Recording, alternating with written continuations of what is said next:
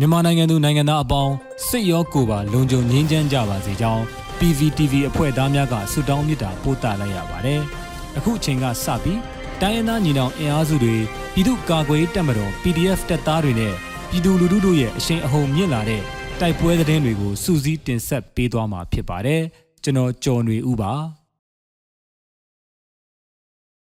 ပထမဦးစွာ တန်တောင်တိုက်ပွဲများမှာစစ်ဗိုလ်တအူအပါအဝင်20ဦးထက်မနည်းသေဆုံးတဲ့တဲ့တင်တင်ဆက်ပါမယ်။တန်တောင်မြို့နယ် KNU တပ်မဟာနှစ်နယ်မြေအတွင်းလှုပ်ရှားနေတဲ့တန်တောင်မြောက်ပိုင်းအထူးဒေသတပ်ဖွဲ့ NTDF နဲ့စစ်ကောင်စီတပ်ဖွဲ့များကြားဇူလိုင်လ19ရက်နေ့မှဩဂုတ်လကုန်ပိုင်းအထိဖြစ်ပွားသောတိုက်ပွဲများတွင်စစ်တပ်ဘက်မှ20ကျော်သေဆုံးခဲ့ပြီးဒဏ်ရာရရှိသူများပြားကြောင်းဩဂုတ်လ26ရက်တရက်အတွင်းတိုက်ပွဲ2ကြိမ်ဖြစ်ပွားပြီး စစ်ကောင်စီဘက်မှဗိုလ်အဆင့်တအူအပါအဝင်၈ဦးထက်မနည်းတေဆုံးကြောင်းသိရှိရပါတယ်။ဆက်လက်ပြီးမြောင်မြို့နယ်မှစစ်ကောင်စီတပ်နဲ့လက်ရက်မရွာမှစစ်တပ်ကိုဒရုန်းဖြင့်ဘုံကျဲတိုက်ခိုက်တဲ့တဲ့တင်တင်ဆက်ပါမယ်။စကိုင်းတိုင်းမြောင်မှာတက်ဆွဲနေတဲ့စစ်ကောင်စီတပ်များကိုဒရုန်းဖြင့်ဘုံကျဲတိုက်ခိုက်ခဲ့ကြောင်းမြောင်မြို့နယ် TGR Women Drone Force ၏ခေါင်းဆောင်ကြားခင်စိန်ထံမှသိရပါတယ်။စက်တင်ဘာလ22ရက်နေ့နနက်10:00နာရီချိန်ခန့်မှာ TGR Women Drone Force က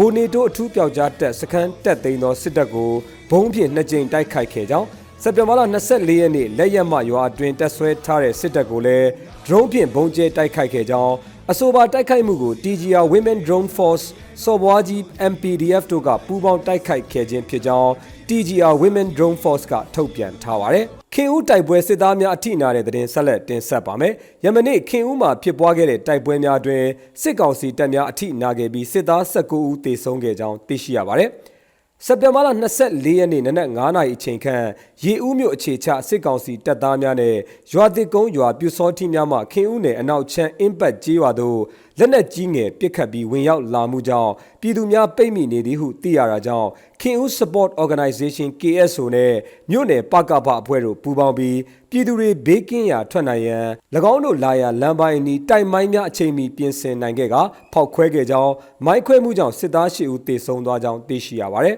တဖက်စက်တင်ဘာလ24ရက်နေ့နနက်10:39မိနစ်အချိန်အင်းဘတ်ကျေးရွာအတွင်းဝင်ရောက်၍နေအိမ်များကိုမိတင်ရှို့လာတာကြောင့်မြို့နယ်ပကဖမြို့နယ်တန်ရင်နဲ့ KSO အပါအဝင်မဟာမိတ် LDF ဆယ်ဖွဲ့ပူးပေါင်း၍အပြန်အလှန်ပစ်ခတ်ကြရာ42မိနစ်ခန့်ပစ်ခတ်ခဲ့ကြောင်းဒရုန်း၅စီးဖြင့်လည်းဘုံကျဲတိုက်ခိုက်ခဲ့ခြင်းနဲ့အနည်းရှိရွာသေးကုန်းရှိစစ်တပ်တပ်စခန်းကိုလည်းဒရုန်းဖြင့်ဘုံကျဲခြင်းမိုက်တဲ့အမြောက်များဖြင့်ပစ်ခတ်ခဲ့မှုကြောင့်စစ်သား12ဦးထပ်မံသေဆုံးကြောင်းသိရှိရပါတယ်။